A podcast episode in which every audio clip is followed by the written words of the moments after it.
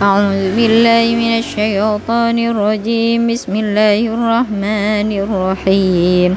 القارعة ما القارعة وما أدراك ما القارعة؟ يوم يكون الناس كالفراس المبثوث وتكون الجبال كالإهن المنفوس. فأما من ثقلت موازينه وهو في عيشة راضية وأما من خفت موازينه فأمه هاوية. وما أدراك ما هي نار حامية.